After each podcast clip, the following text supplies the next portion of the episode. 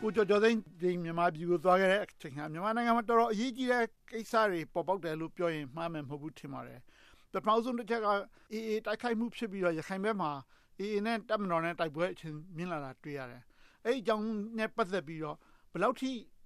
မြန်မာနိုင်ငံရေးကိုရိုက်ခတ်မှုရှိနိုင်မယ်ထင်ပါလဲလူတွေရဲ့သဘောထားရောဘယ်လိုဖြစ်လာလဲတပ်မတော်ပူပြီးအောက်ကိုလာရလားသူတို့မဟုတ်အေးဘက်ကများရင်းကြလားဒေသခံတွေအဲ့ဒီကိုစပြီးတော့ဟုတ်ကဲ့ ဒီ AA ကနေကြားဆောင်ရဲကင်းစခန်းတွေကိုတိုက်တဲ့ကိစ္စကအတော်လေးရိုက်ခတ်တယ်လို့တော့တေချာပေါက်ပြောနိုင်ပါတယ်။ဘာဖြစ်လို့လဲဆိုတော့အဲ့ဒီမတိုင်ခင်မှာခြားပြည်နယ်တွေမှာတခြားလူမျိုးစုလက်နက်ကိုင်အဖွဲ့တွေရှိတဲ့ဒေသတွေမှာတိုက်ပွဲတွေရှိနေခဲ့ပြီးတော့ရခိုင်ဘက်ကနှစ်ပေါင်းများစွာအခုလောက်ကြီးတဲ့လက်နက်ကင်တိုက်ပွဲတွေတိုက်ခိုက်မှုတွေမရှိခဲ့တာကြာပါပြီဆိုတော့ AA က ရဲကင်းစခန်းတွေကို တိုက်ခိုက်လိုက်တဲ့အတွက် ရခိုင်ဘက်က လှုပ်ခတ်သွားတာဆိုရင် ကျွန်တော်တို့ ဒီကနေ့ စကားပြောနေတဲ့အချိန်အထိပါပဲ အဲ့ဒါနဲ့ပတ်သက်ပြီးတော့ လူတို့ရဲ့အမြင် ဒေသခံတွေရဲ့အမြင်ဆိုရင်တော့ နည်းနည်းလေးကွဲတယ်လို့ ပြောရမှာပါ ကျွန်တော် သိခဲ့ရသလောက် တွေးဆုံမေးမြန်းခဲ့ရသလောက် စကားပြောခဲ့ရသလောက် ရခိုင်ဒေသဘက်က ဒေသခံတွေအနေနဲ့ကတော့ ဒီလိုမျိုး ရဲကင်းစခန်းတွေကို တိုက်ခိုက်တာ စစ်ဖြစ်တာ လူတွေ တေကြကြေကြဖြစ်ရတာကိုလက်မခံဘူးဆိုရင်တောင်မှအေးအေးအဖွဲ့ကို အပြင်းအထန်ဆန့်ကျင်တဲ့စကားမျိုးလေတံမျိုးကျွန်တော်မကြားခဲ့ရပါဘူးဒါပေမဲ့ရခိုင်ပြည်မဟုတ်တဲ့တခြားဒေသတွေကပေါ့လေကျွန်တော်ရောက်တဲ့နေရာဘိုင်းကိုကျွန်တော်ပြောတာပါတခြားဒေသဆိုလို့ကျွန်တော်မြန်မာနိုင်ငံအနှံ့ပြားလဲရောက်တာတော့မဟုတ်ပါဘူးတခြားဒေသတွေမှာတော့ဒီလိုအေးအေးရဲ့တိုက်ခိုက်မှုနဲ့ပတ်သက်ပြီးတော့ဘဝေမကြတဲ့ဒေသမျိုးတွေကျွန်တော်ကြားခဲ့ရတာရှိပါတယ်အဲဒါအဲ့ဒီပေါ်မှာဟာလာတက်မတော်အပေါ်မှာထောက်ခံမှုပိုများလာသလား ဆိုတာကတော့ ကျွန်တော်တို့ လက်ရှိအခြေအနေမှာ သေချာပေါက် ပြောနိုင်သေးတဲ့ အနေအထား မရှိဘူးလို့ပဲ ဆိုရမှာပါဒါပြည်သူတွေရဲ့ သဘောထား နောက်ကအဲ့တိုင်းရင်းသား လက်နက်ကိုင် အင်အားစုတွေ အချင်းချင်းကြားမှာရော သဘောထား ဘယ်လို ရိုက်ခတ်မှု ရှိလာနိုင်ပါလဲ အထူးသဖြင့် AA က စပြီးတော့ ပြောလိုက်တယ်လို့ ဆိုရမှာပဲဒါ Federal ပြည်ထောင်စု မဟုတ်ဘူး Confederate ဖြစ်စေခြင်းနဲ့ပိုပြီးရော့ရဲတဲ့ ပြည်ထောင်စုဘိုးချုပ်ကိုင်မှု ပိုမိုရော့ရဲတဲ့ ပြည်ထောင်စုသဘောမျိုးလုပ်မယ်လို့ပြောလာတယ်တကယ်တော့ဝါကိုပေးထားတဲ့ပုံစံလို့ပေါ့လေသူတေဝင်တာခေါ်ဝထားတဲ့ပုံစံဖြစ်တယ်အဲ့လိုပြောတာနဲ့ပတ်သက်ပြီးတော့တိုင်းရင်းသားအင်အားစုတချို့ကတော့ဒါကိုဆန့်ကျင်ပြီးမပြောဘူးအဲ့ဒီတိုင်းလိုက်ပြီးတော့ပြောကျင်တဲ့တိုင်းရင်းသားအင်အားစုတချို့လည်းကြားရပါတယ်ကျွန်တော်တို့ကိုကျော်ကျော်သိန်းတွေ့ကြုံသိရှိခဲ့ရတဲ့ကိစ္စလည်းပြောပေါင်းတာဟုတ်ကဲ့ခင်ဗျကျွန်တော်စစ်တွေရောက်တုန်းကထိတ်တန်းရခိုင်နိုင်ငံရေးခေါင်းဆောင်တူလို့ဆိုရမယ့်ပုံကူကြီးနဲ့ကျွန်တော်စကားပြောခွင့်ရခဲ့ပါတယ် ဟိုမှတ်တမ်းတင်အတန်ကူးယူခြင်းမဟုတ်ဘဲနဲ့ off the record ပေါ့လေစကားပြောခွင့်ရခဲ့ပါတယ်စကားပြောအဲ့လိုစကားပြောခွင့်ရတဲ့အတွက်လည်းအတွက်လည်းပဲအမြင်သဘောထားတွေကိုတော်တော်လေးပွန့်ပွန့်လင်းလင်းကြားခဲ့ရပါတယ်ကျွန်တော်အဲ့ဒီပုံကိုကြီးကဘာပြောသလဲဆိုတော့နိုင်ငံရေးမှာတောင်းကျင်တယ်လို့တောင်းလို့ရတာပဲတဲ့ဒါကအမြင့်ဆုံးပြောတာပဲတဲ့ဒီအတိုင်းဟလာဖြစ်လိမ့်မယ်လို့ဖြစ်ကိုဖြစ်ရမယ်လို့ပြောတာမှမဟုတ်ဘဲတဲ့အမြင့်ဆုံးတောင်းတာဘာမှမမှားဘူးတဲ့နိုင်ငံကြီးမှာဒီလိုပဲတောင်းမှာပဲတဲ့ဒီလိုပဲပြောမှာပဲတဲ့ အဲ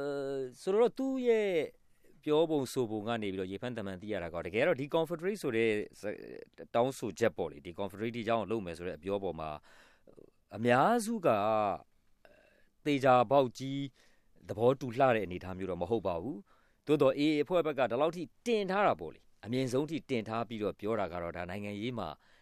နိုင်ငံရေးအကွက်အရာရွှေ့ပြီးလုတ်တယ်ဆိုတဲ့သုံးသပ်ချက်မျိုးကျွန်တော်ကြားခဲ့ရပါဟုတ်တယ်ကြွေးကြော်တန်ဟာရင်ဖန်ချက်ပတ်နိုင်မဟုတ်ဘူးဆိုတော့ဒါအဲ့လိုအနေထားပါပဲဟုတ်ကဲ့ဟုတ်ကဲ့ဆိုတော့ကျန်တဲ့တိုင်းရင်းသားဖွဲ့စည်းတွေရဲ့သဘောထားတော့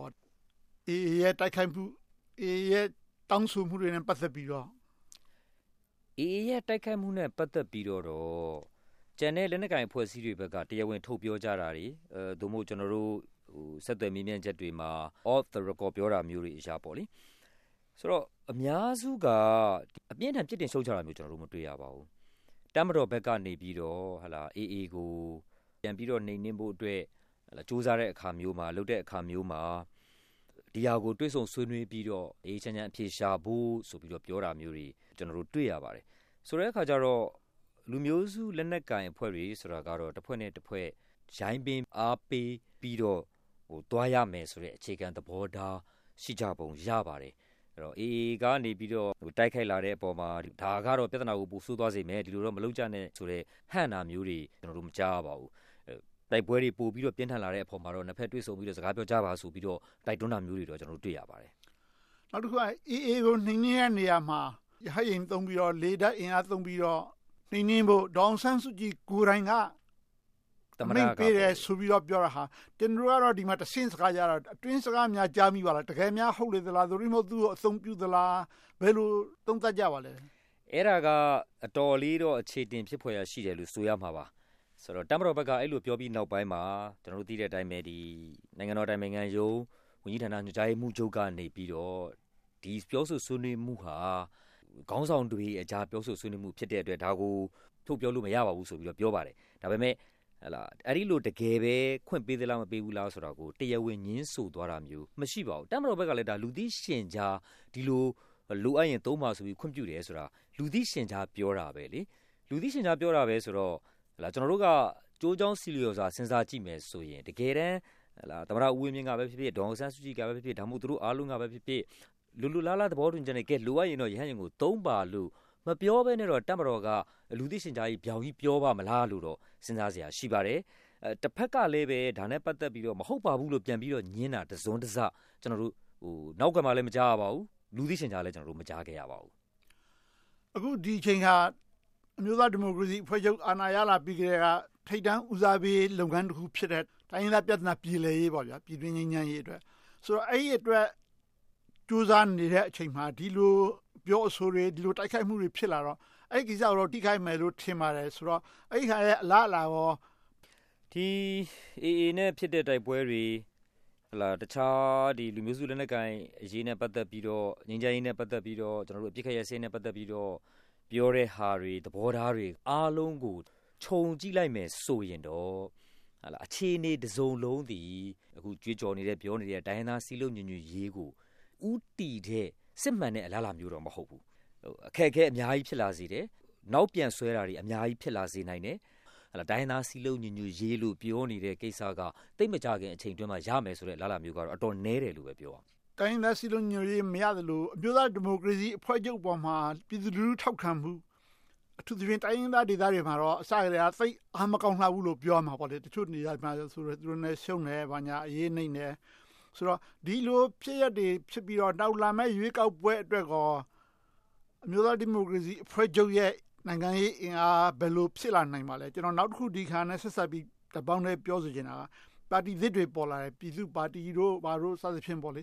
အဲ့ဒီပါတီတွေပေါ်လာတာဟာလည်းပဲအမျိုးသားဒီမိုကရေစီအဖွဲ့ချုပ်ကိုမချိုးနှိမ်နိုင်ရင်တောင်မှအမျိုးသားဒီမိုကရေစီအဖွဲ့ချုပ်ရဲ့မဲကိုခွဲယူသွားနိုင်တဲ့ အင်အားစုတွေဖြစ်တယ်လို့တချို့ကသုံးသပ်ရေးသားတာတွေ့ရပါတယ်ကိုကျော်ကျော်သိန်းကဘယ်လိုတွေ့ခဲ့ပါလဲအဲ့ဒါလားလားတိုင်းရင်းသားဒေသတွေမှာလာမယ့်2020ရွေးကောက်ပွဲ NLD ရဲ့လာလာနဲ့ပတ်သက်လို့တော့ဟလာကျွန်တော်အလွတ်သဘောပြောဆိုခဲ့သမျှကျွန်တော်တရားဝင်တွေ့ဆုံမေးမြန်းခဲ့သမျှအဲ့ဒီလူတွေအားလုံးရဲ့အမြင်ကတော့65 96 98ရာခိုင်နှုန်းလောက်ထပ်တူကြတယ်ပြောရမှာပါဒီတစ်ချိန်ရွေးကောက်ပွဲမှာတော့တိုင်းရင်းသားဒေသတွေမှာမြို့သားဒီမိုကရေစီအဖွဲ့ချုပ်အနေနဲ့အရင်2015ရွေးကောက်ပွဲလောက်လာလာကောင်းလာမှာမဟုတ်ဘူးလို့ တထက်တည်းသုံးသပ်ကြပါတယ်ဘလောက်အထိကျွန်တော်တို့အလားအလာမကောင်းဘူးလေဘလောက်အထိစိုးသွားနိုင်တယ်လဲဆိုတာကတော့အခုလာမဲ့တစ်နှစ်ကာလအတွင်းမှာ NLD ဘက်ကဘလောက်အထိလှုပ်ရှားလာအောင်မလဲအပြောင်းလဲတွေလှုပ်လာအောင်မလဲဆိုတဲ့အခြေအနေပေါ်မူတည်ပါလိမ့်မယ်နောက်တစ်ခုကဒီပါတီသစ်တွေပေါ်လာတဲ့ကိစ္စပါတီသစ်တွေပေါ်လာတဲ့ပတ်သက်ပြီးတော့လည်းပဲကျွန်တော်မေးမြန်းတဲ့အခါမှာကျွန်တော်အဲ့ဒီမေးခွန်းကိုမေးပါတယ်သူတို့ကတော့ဒါဟာအဖွဲ့အစည်းပေါင်းစုပါတီပေါင်းစုလှုပ်ရှားကြတာဒီမိုကရေစီရဲ့သဘောတော်ဖြစ်တယ်လို့ပြောပေမဲ့အ ਨੇ နဲ့အများဆိုသလိုတော့ကွဲမှာပါပဲသို့တော့ NLD တို့ကဘလောက်အထိထိခိုက်စေမလဲဆိုတာကကျွန်တော်ခုနပြောသလိုပါပဲ ကြံတဲ့တစ်နှစ်တာလောက်ကာလအတွင်းမှာ NLD အနေနဲ့ဘလောက်အထိ ရွေ့လာအောင်မလဲဘလောက်အထိ သူတို့ဘက်က လှုပ်ရှားလာအောင်မလဲဆိုတဲ့ပုံမှာ အများကြီး မူတည်လိမ့်မယ်လို့ ကျွန်တော်ကိုယ်တိုင်အနေနဲ့တော့အဲ့လို သုံးသပ်ပါတယ် နောက်တစ်ခုက အမျိုးသားဒီမိုကရေစီအဖွဲ့ချုပ် အစိုးရက အဓိက တိုင်းရင်းသားဒေသတွေမှာ မလိုက်လျောနိုင်တဲ့အချက် ဥပမာ ရခိုင်ဒေသခံပါတီက မဲအပြတ်သက်နိုင်ရတာနဲ့ ဝန်ကြီးချုပ်ကို အမျိုးသားဒီမိုကရေစီအဖွဲ့ချုပ်က သူတို့လူကိုခံလိုက်တယ် တိုင်းရင်းသားဒေသတွေရဲ့ ထောက်ခံမဲအတွက် တိုင်းရင်းသားပါတီတွေမဲနိုင်ရင်တိုင်းရင်းသားဒေသမှာတိုင်းရင်းသားပါတီကဝန်ကြီးချုပ်ကိုခန့်ခွင့်ပြုမယ်ဆိုတဲ့ကိစ္စဟာတိုင်းရင်းသားလူချင်းရတဲ့ကိစ္စဖြစ်မယ်ထင်တယ်အဲ့ဒီကိစ္စနဲ့ပတ်သက်ပြီးတော့ကာချုပ်ကဟုတ်ကဲ့အဲ့ဒီကိစ္စနဲ့ပတ်သက်ပြီးတော့တလောသတင်းစာထဲမှာဟုတ်တယ်အဲ့ဒါနဲ့ပတ်သက်လို့ပြောပေးမယ်ဆိုတော့လေသံလေးနည်းနည်းလေးမသိမသာပြစ်သွားတာတွေ့ရတယ်ဘယ်လောက်ရိုက်ခတ်မယ်ထင်လဲအဲ့ဒီဟာကအခုဆိုရင်အဲ့ဒီပုံမှန်ကိုပြင်ဖို့အတွက်ဆိုပြီးတော့အခုစပြီးတော့တွန်းနေကြပါပြီ ပြည်ခံပြိုးအပါဝင်ဂျန်တဲ့ပါတီတွေက ထောက်ခံတာတွေရှိလာပါတယ် တခြားလူမျိုးစုလက်နက်ကိုင်အဖွဲ့တွေကလည်းပဲထောက်ခံတာတွေရှိလာပါတယ် ဒီအပေါ်မှာ ဆိုတော့ အဲ့ဒီကိစ္စကတော့ ဖြစ်လာနိုင်ခြေ အတော်လေးများတယ်လို့ ကျွန်တော်တယောက်တည်းအနေနဲ့ကျွန်တော်မြင်မိတယ် နောက်တစ်ခုက ဒါကလည်းပဲဒီတိုင်းရင်းသားဒေသတွေမှာ ထောက်ခံမှုဆက်ပြီးတော့ ရနေခြင်းသေးတယ်ဆိုရင် ရှေ့လျှောက်သွားရအောင်မယ်မြန်မာနိုင်ငံပြည်ပြင်ပြောင်းလဲရေး တိုင်းပြည်ပြန်လည်တည်ဆောက်ရေးတွေ အားကောင်းမောင်းတန် ဆက်လုပ်သွားနိုင်ဖို့အတွက်ဆိုရင် NLD အနေနဲ့ အလွယ်ဆုံးနဲ့အလိုက်ရောသင့်ဆုံးကိစ္စတစ်ခုပါပဲအဖြစ်လဲအဖြစ်သင့်ဆုံးကိစ္စတစ်ခုပါပဲဆိုတော့အဲ့ဒီကိစ္စကတော့